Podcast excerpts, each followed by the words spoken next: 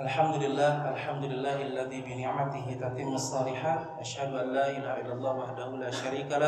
wa asyhadu anna Muhammadan abduhu wa ba'da. Allahumma shalli wa wa barik ala nabiyyina Muhammadin wa ala alihi wa sahbihi ajmain. Allahumma inni as'aluka ilman nafi'an wa rizqan thayyiban wa amalan mutaqabbala raditu billahi rabba wa bil islami dina wa bi muhammadin sallallahu alaihi wasallam nabiyya wa rasula Allahumma bika asbahna wa bika amsayna wa bika nahya wa bika namut wa ilaikal masir Allahumma anta rabbi la ilaha illa anta khalaqtani wa ana abduka wa ana ala ahdika wa wa'dika a'udzu bika min syarri ma sana'tu أبوء لك بنعمتك علي وأبوء بذنبي فاغفر لي فإنه لا يغفر الذنوب إلا أنت Alhamdulillah puji dan syukur hanya milik Allah Subhanahu wa taala. Mudah-mudahan Allah senantiasa memberikan kita keistiqomahan seraya sabar dalam menapaki jalan-jalan ketakwaan dan mudah-mudahan di akhir Ramadan kita termasuk orang-orang yang mendapatkan ampunan. Salawat dan salam semoga senantiasa tercurah limpah kepada junjungan kita Nabi Muhammad Rasulullah SAW pada keluarganya, para sahabatnya dan mudah-mudahan termasuk kita umatnya yang mendapatkan syafaatnya kelak di umur kiamat. Amin ya rabbal alamin. E, di subuh pagi kali ini saya akan melanjutkan sebetulnya tema yang sebelum Ramadan Sabtu pagi belum sempat tersampaikan semuanya. Satu hadis yang diriwayatkan oleh Imam At-Tirmidzi yang dari Abi Kabsyah Al-Anmari di mana Nabi bersumpah tentang tiga hal masih pada ingat Pak? Apa masih pada ingat pohona? Jadi kata Nabi, salah satu ada tiga perkara uqsimu alaihinna yang aku bersumpah atas tiga perkara tersebut, fahfaduhunna hendaklah kalian menjaganya, mengamalkannya. Yang pertama yang pernah dihafal itu mana kosong malu abdin min sodakoh. Memang hadisnya ibu-ibu hampir semakna dengan yang diriwayatkan oleh Imam Muslim di Kitabul Jami, Kitabul Gumarom ada kalimat mana kosot sodakotun min malin. Nah hadis yang riwayat at-Tirmidzi ini mana kosot malu abdin min sodako. Kayaknya udah pada lupa ya. Oke, dah itu mah kebetulan nggak dibahas karena udah ya. Jadi yang kedua, poin yang kedua, yang Nabi bersumpah ya atas tiga perkara tersebut. Yang kedua adalah wa madzulima abdun madlama, tidaklah seorang hamba dizolimi oleh satu kezoliman, ya, dinistakan, dihinakan, difitnah, digibah, ya, disudutkan, tapi kemudian dia sabar atas kezoliman tersebut, illa rafa'ahullahu bihal izzah. Kecuali Allah akan mengangkat ya derajat si hamba yang sabar tadi apanya? Derajat kemuliaannya. Jadi kalau yang pertama demi Allah tidak akan berkurang harta seorang hamba karena sodako. Yang kedua tidaklah seorang hamba dizolimi oleh satu kezoliman tapi dia sabar. Kecuali Allah akan semakin mengangkat derajat kemuliaannya. Mungkin logika dan hawa nafsu kita akan berkata, nah yang ada justru kalau orang diam saat dipitnah, saat di uji apa oleh satu kezaliman saat disudutkan saat dinistakan justru yang ada harusnya dia semakin hina semakin terpuruk semakin terendahkan. Tapi kenapa kata Nabi? Justru orang yang sabar atas kezaliman itu Allah akan angkat derajatnya. Pertanyaannya apakah Nabi salah? Tidak. Ya kita lihat satu contoh kasus lah yang dekat di medsos ya di Facebook berapa banyak liker hampir puluhan ribu bahkan mendekati jutaan ya ketika ada seorang emak-emak yang tidak pakai helm ditilang oleh polisi dan polisi pada saat itu jujur ya saya katakan sabar. Kenapa sabar? Karena bayangin itu oleh emak-emak ya ger masalah si mama teh. Eta di koetan di koetnya apa tuh ya? Dicakar terus digigit sampai diliatin tuh kan oleh polisinya eh, bekas-bekas gigitannya. Dan pada saat itu si polisi sabar dan ribuan netizen langsung memuji si polisi tersebut.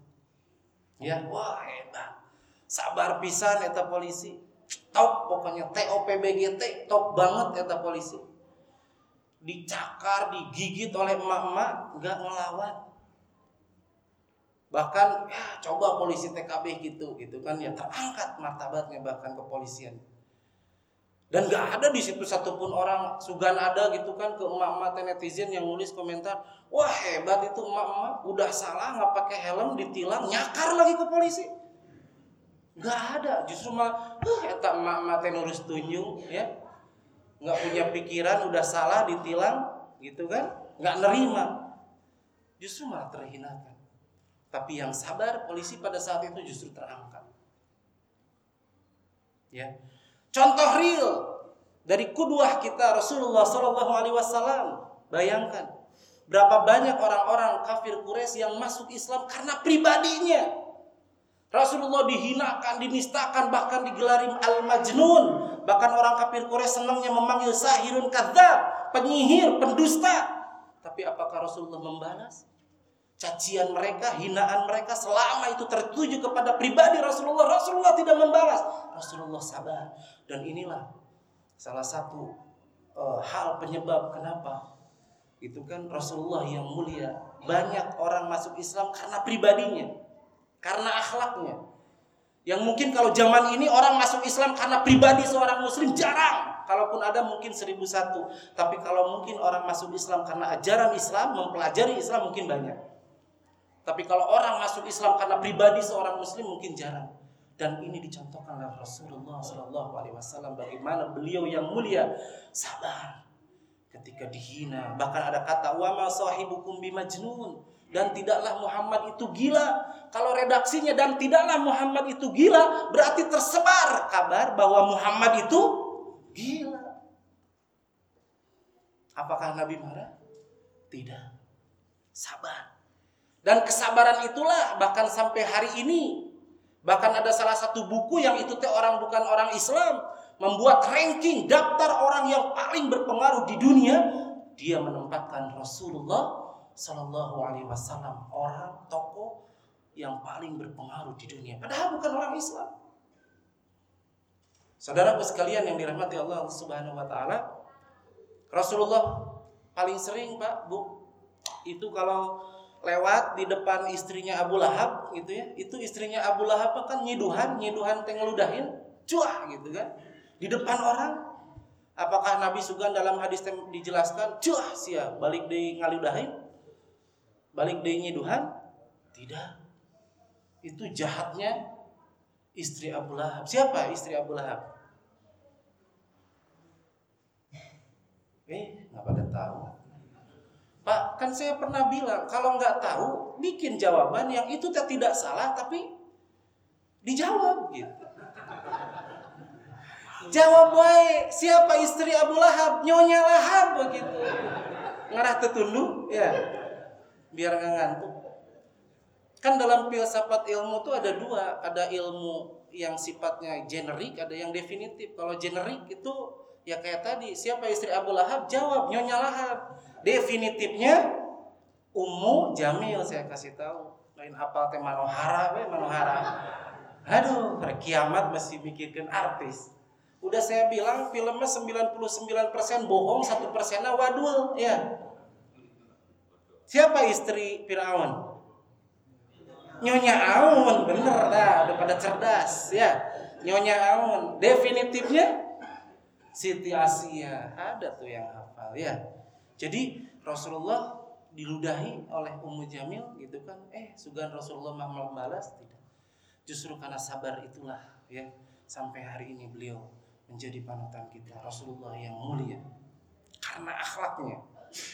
Kemudian pernah Rasulullah diundang ke Taib ya dengan informasi bahwa kalau Rasulullah datang ke Taib maka akan masuk Islam. Datang Rasulullah ke Taib. Apa yang terjadi? Rasulullah malah dilempari. Bahkan di dalam riwayat sampai pelipisnya berdarah.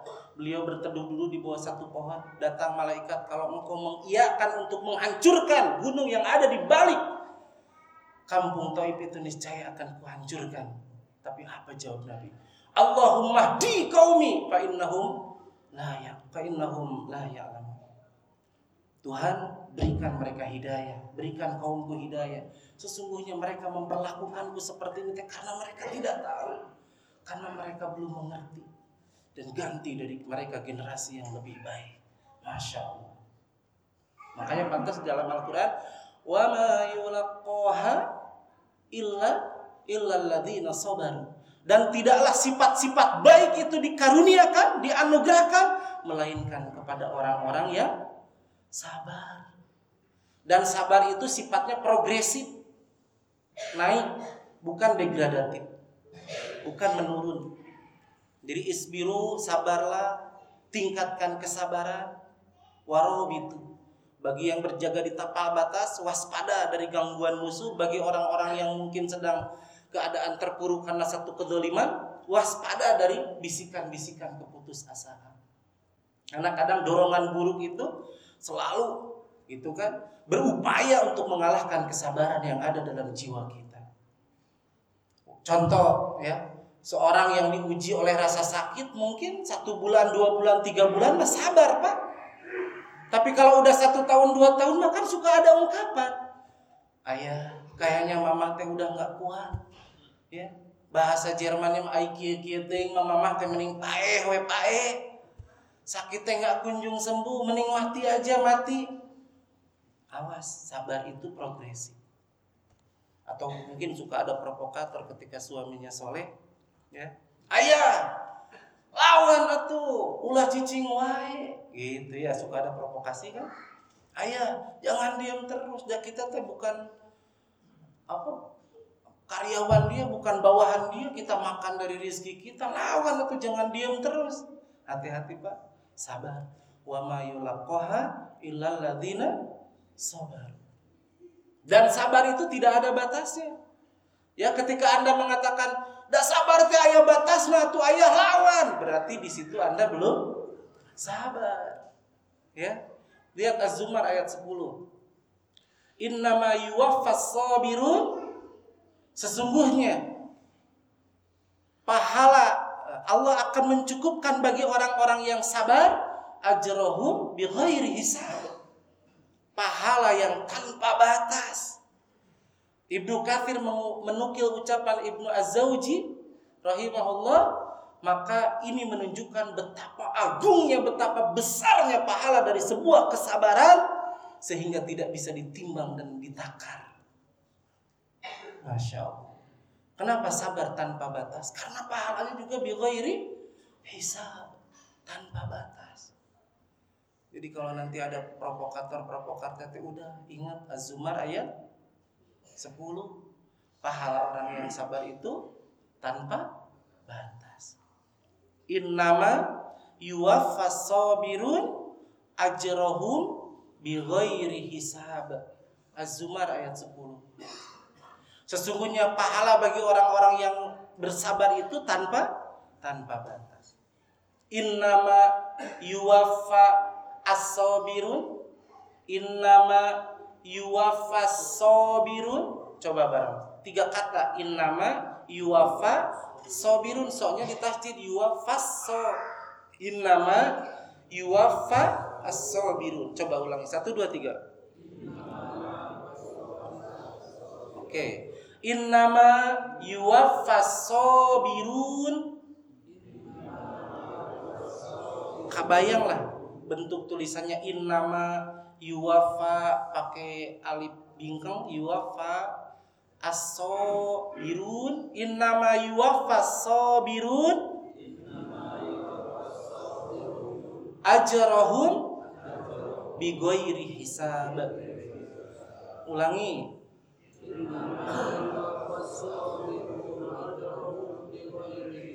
Innama yuwaffas sabirun ajrohum. Segitu dulu. Satu, dua, tiga. Bighairi hisab. Ulangi dari awal.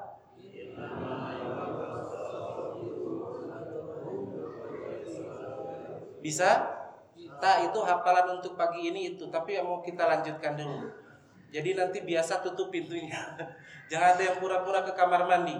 Ya innama yuwaffas sabirun ajrahum bighairi hisab. Quran surat Az-Zumar ayat 10.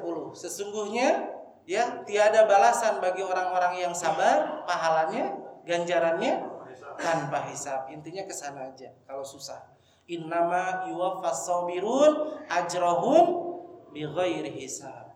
Ya. Kalau nggak hafal-hafal sabar, dan materi lagi lagi sah, sabar gitu. Kalau misalkan yang lain udah pulang karena sudah hafal, sabar. Dah mana belum hafal gitu ya.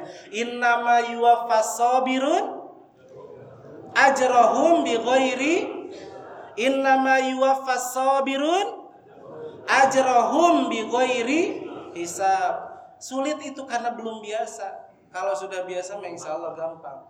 Ya, sulit itu karena belum hafal. Innama yuwaffas sabirun ajrahum bighairi hisab. Oke, masuk poin yang ketiga yang terakhir. Wama fataha. Soalnya harus kita selesaikan di subuh ini subuh terakhir kemarin nggak bisa datang karena ngisi di tempat itu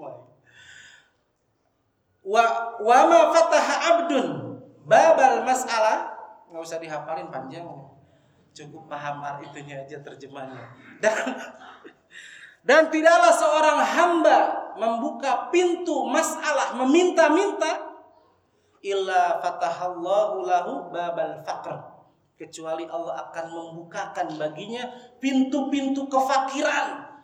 Nauzubillah. Ya, sama logika kita akan berkata, ah justru enak tuh, gitu kan orang yang meminta-minta makan tinggal nerima. Ya, tapi kenapa Nabi mengatakan Allah akan membukakan baginya pintu kefakiran? Ya, Orang yang terbiasa menerima satu saat mah akan fakir. Kenapa? Manusia mah kadang ada batasnya, kadang ada bosannya, kadang ada malasnya. Ada istilah ah, kerjaan dengan menta we menta. Tak satu saat manusia mah ada batas. Ya. Kecuali minta kepada Allah, Allah semakin bangga. Allah semakin mencintai orang yang meminta kepada Allah. Karenanya sekalipun kau butuh minta kepada manusia cukup di lisan saja. Hati tetap bergantung kepada Allah. Allah yang menggenggam setiap jiwa hamba-hamba. Dan ini menunjukkan bahwa kalau bisa umat Islam teh kaya Pak. Kalau bisa umat Islam tuh yang memberikan manfaat kepada orang lain bukan memanfaatkan orang lain. Saya baru paham. Kenapa nggak dari dulu jadi orang kaya? Selama dengan kekayaan itu kita bisa banyak beramal soleh, bisa beli tanah untuk wakaf, bisa ngebangun masjid, ya, bisa umroh di bulan Ramadan, bisa haji, ya, bisa menyantuni anak yatim, ya. Bahkan orang yang menyantuni anak yatim kan di dalam hadis ana wakafilul yatim hakada. Aku pil jannah hakada. Aku dengan orang yang suka menyantuni anak yatim itu kan di surga akada. Nabi agak merenggangkannya. Seperti antara curug jeng jajangkung. Seperti antara telunjuk dan jari tengah. Bahkan di hadis lain, Ana awalu mayyubtahu babal jannah. Aku adalah orang yang pertama kali dikaruniai Allah untuk membuka pintu surga. Tapi nanti ada seorang perempuan yang hendak menyusul Rasulullah. Sampai Rasulullah bertanya, Malaki wa ma'anti. Siapa kamu dan apa amal kamu? Jawabannya, aku adalah dulu ketika di dunia senantiasa menyantuni anak yatim. Masya Allah. Ya, selama dengan kekayaan itu kita bisa mampu banyak beramal soleh. Orang yang biasa disantuni oleh orang tuanya satu saat bakal fakir kalau sudah biasa ketergantungan mengandalkan orang tua. Kalau orang tuanya masih ada, mending. Kalau sudah meninggal, dia sudah tidak ada daya jual dan tidak ada kemampuan karena apa? Sudah enak, sudah terbiasa meminta, sudah terbiasa memohon kepada ibunya, meminta kepada orang lain. Tidak akan ada daya juang suatu saat dia akan fakir. Inilah yang dimaksud orang yang terbiasa meminta-minta dijadikan sebuah profesi, suatu saat akan fakir. Suatu saat akan sengsara. Karenanya Allah melaknat orang-orang yang suka meminta menjadikan dijadikan sebagai profesi. Bahkan di hari kiamat tidak akan datang melainkan dalam keadaan wajahnya tidak ada, tidak punya wajah. saking hinanya. Ya. Kecuali kata Nabi meminta fi amrin labudda minhu dalam perkara-perkara yang kamu boleh di situ memintanya. Ibu misalkan ke bapak ya, ke rumah bapak teh pelit padahal duitnya banyak, tak itu boleh bu meminta. Paksa malah minta lagi. Setiap hari ngasih Ramadan 50 ribu gitu kan, hari buka pinginnya jeng sagala. Ya, ditanya dipinta pasti ngomongnya teh nggak ada duit. Padahal di peci sebelah sini ada gitu kan ya. Di sini ada gitu kan. Di pesak yang belakang ada gitu kan. Itu mau minta cuman bu kalau ke suami ini saya kasih rumus kalau minta sesuatu tuh jangan muter-muter dulu langsung ke intinya nanti berabe repot ya ada satu kisah ya cerita dongeng anekdot ada seorang istri yang mungkin Gak enak lah minta secara langsung. Akhirnya mah ke suami teh. Bangun tidur pagi-pagi, ayah gitu ya. Mamah teh tadi malam mimpi di tangan mamah teh di kelingking ada yang buricak burinong gitu kan ya. Ada yang gemerlap gemerlip gitu kan. Tahu itu teh mamah teh mimpi begitu padahal intinya mah pingin cincin. Aduh kata si ayah nanti. Mama, ntar sore mimpi, mimpi mama akan menjadi kenyataan. Wah semangat tentu si istri itu jam 4 udah mandi gitu kan Mempersiapkan suami mau datang Eh pas datang Dibuka kadona ya dari si ayah Pasti buka teh. Apa pak? Buku tabir seribu satu mimpi. Wah gitu kan. Primbon. Mama? Mimpi mimpi mama bakal jadi kenyataan. Iya buku seribu satu mimpi. Primbon. Itu apa tuh arti buricak burinong yang ada di tangan mama itu pertanda apa naudzubillah ya makanya dalam perkara-perkara yang ibu meminta udah langsung mama eh ayah mama teh pingin cincin langsung eh ngomong ulah muter-muter gitu ya kadang suami mah kurang peka gitu ya gitu apalagi kalau suami suka janji ya ciri istri solehah mah abar robuhu Kata Nabi sering melepaskan janji suami. Apalagi suami yang banyak janji. Mama, bulan depan kalau ayah sukses catet tak kulkas baru, TV baru, motor baru. Pas ditagih ke istri, mana ayah? Katanya bulan depan TV baru, kulkas baru. Kan ayah bilang catat, mama. gitu kan. Kan harus tunjuk. gitu ya. Nah istri solehah mah nggak memperberat. Oh ya udah, ayah ingat juga udah alhamdulillah gitu ya. Gitu, tidak malah nantang. Ya itulah barangkali capek deh ya. Udah setengah enam. Kita hafalkan saja yang tadi minimal pulang dari sini apalah bahwa pahala orang yang sabar itu tanpa tanpa batas pahala. Ajrohum bighairi hisab. Pahalanya tanpa batas. Supaya semakin menguatkan apalagi ya terkait dengan saum ibadah Ramadan tidak lain saum itu adalah mendidik, mengarahkan, mendorong agar si hamba-hambanya memiliki sifat sabar ya. Di bulan Ramadan si hamba dilarang dari memakan memakan makanan-makanan yang halal yang haram yang halal ya makan minum yang halal dilarang. Ternyata di bulan Ramadan si hamba mampu. Apalagi dengan hal-hal yang diharamkan oleh Allah Subhanahu wa taala. Secara tidak langsung saum mendidik mengarahkan melatih mendorong agar kita menjadi orang-orang yang sabar. Dan perlu diketahui bahwa ibadah Ramadan, ibadah-ibadah yang dilakukan di bulan Ramadan tiada lain agar kita terhindar, terlatih untuk bisa meninggalkan kebiasaan-kebiasaan buruk, bukan menjeda perbuatan-perbuatan buruk. Pahami Jadi hadirnya Ramadan bukan untuk menjeda perbuatan-perbuatan buruk, melainkan supaya kita terlatih agar bisa meninggalkan perkara-perkara yang buruk. Di bulan Ramadan kita yang halal saja kata Allah tahan dari mulai pagi sampai terbenam matahari ternyata umat Islam bisa menekan hawa nafsunya. Padahal jiwa begitu terdorong di siang hari untuk bisa menikmati segarnya es kelapa muda tapi dia bisa menahannya. Karena apa? Mengharap pahala dari Allah Subhanahu wa taala dengan sabarnya. Jangankan siang hari. Saya malu ngomong jam segini wes haus pak. Haus atau kering gitu. Kamu disuruh imam di belakang ada penghafal Al-Quran gemeter ya pak. Gitu. Tapi harus sabar. gitu bongan sah di barisan pertama. Kata panda Ustaz maju. Maju we bismillah ya. Oke innama yuwaffas sabirun ajrahum bighairi hisab. Laki-laki tujuh orang kebanyakan lima orang ibu-ibu dua orang. Kalau sudah laki-laki lima orang ibu-ibu dua orang selesai pengajian. Gitu ya kalau laki-laki belum lima, ibu-ibu belum dua, kita tunggu sampai jam berapa? Kuatnya, pas sabar sabar we. Saya yang sabar apa bapak yang sabar gitu ya. Lima orang. Az-Zumar ayat 10. Innama yuwaffas sabirun ajrahum bighairi hisab. Ya. Sesungguhnya pahala bagi orang-orang yang sabar itu tanpa batas. Intinya ke sana lah terserah Bapak. Bapak kan pinter bahasa Indonesia nah ngarangna ya terserah. Yang penting intinya ke sana. Bahwa orang yang sabar itu pahalanya tanpa batas. Menunjukkan sabar itu juga tidak ada batas kecuali kematian. Itu saja. Silakan. Mau sebelum dilanjutkan boleh satu pertanyaan? Iya pak. Silakan. Tadi kan disebutkan Allah akan memfakirkan orang yang meminta-minta.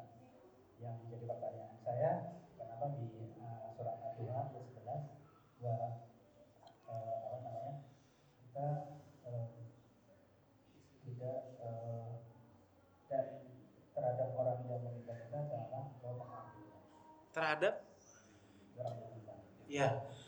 Jadi pertanyaannya lumayan ngebingungin bagi saya Maya tapi harus dijawab. Lihat di situ konteksnya orang yang maaf seorang muslim yang ketika diminta dengan orang yang meminta-minta. Beda ya? Jadi ketika ada yang meminta janganlah engkau menghardiknya gitu ya. Jadi bedanya bisa paham ya atau bisa lebih dijelaskan mungkin ada yang mau nambah ada yang mau mengurangi? Ya itu konteksnya ketika kita diminta. Makanya tadi saya katakan hadis ini menunjukkan bahwa kalau bisa umat Islam itu yang aliyadul ulia khairun min yadi sufya tangan yang di atas lebih baik tangan yang lebih baik daripada tangan yang di bawah. Seperti itu. Ya. Jadi mudah-mudahan tidak puas. Udah makanya jangan bertanya so, hafalin dulu dah siap.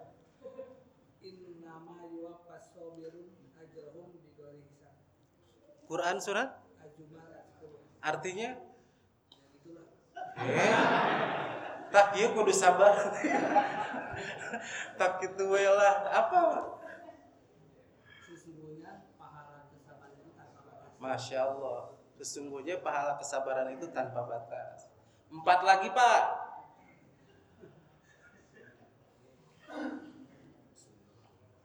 Ya silakan Pak Lubis.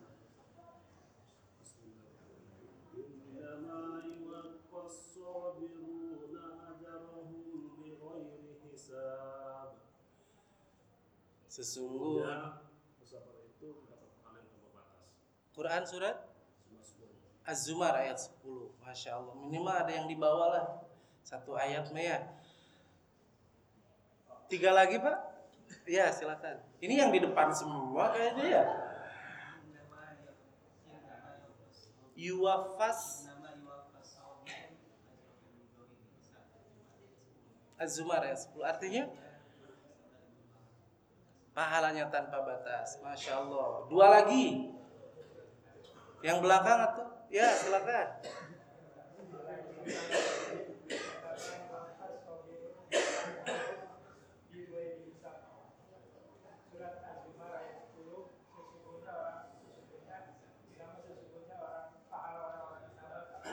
Ya, pahala orang yang sabar itu tanpa batas. Satu lagi, Pak.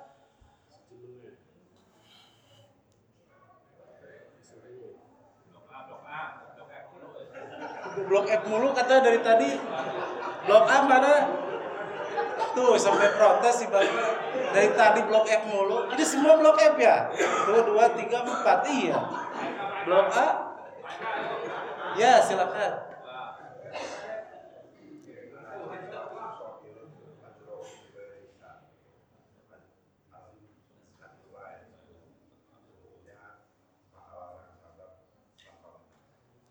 Masya Allah. Tamat ya. Gimana saksi?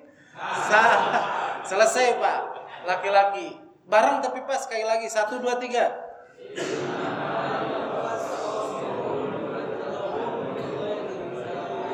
Quran surah Zumar ya.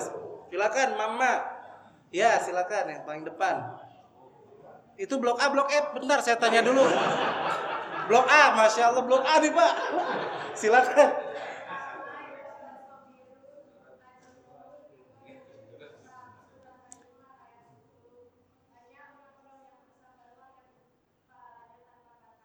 Masya Allah, ya. Sah?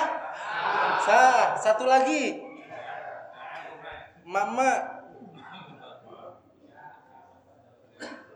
Satu lagi. Oh, emak, ayo silakan. Masya Allah tuh kalah sama ibunya Pak Ruhama. Eh. Masya Allah.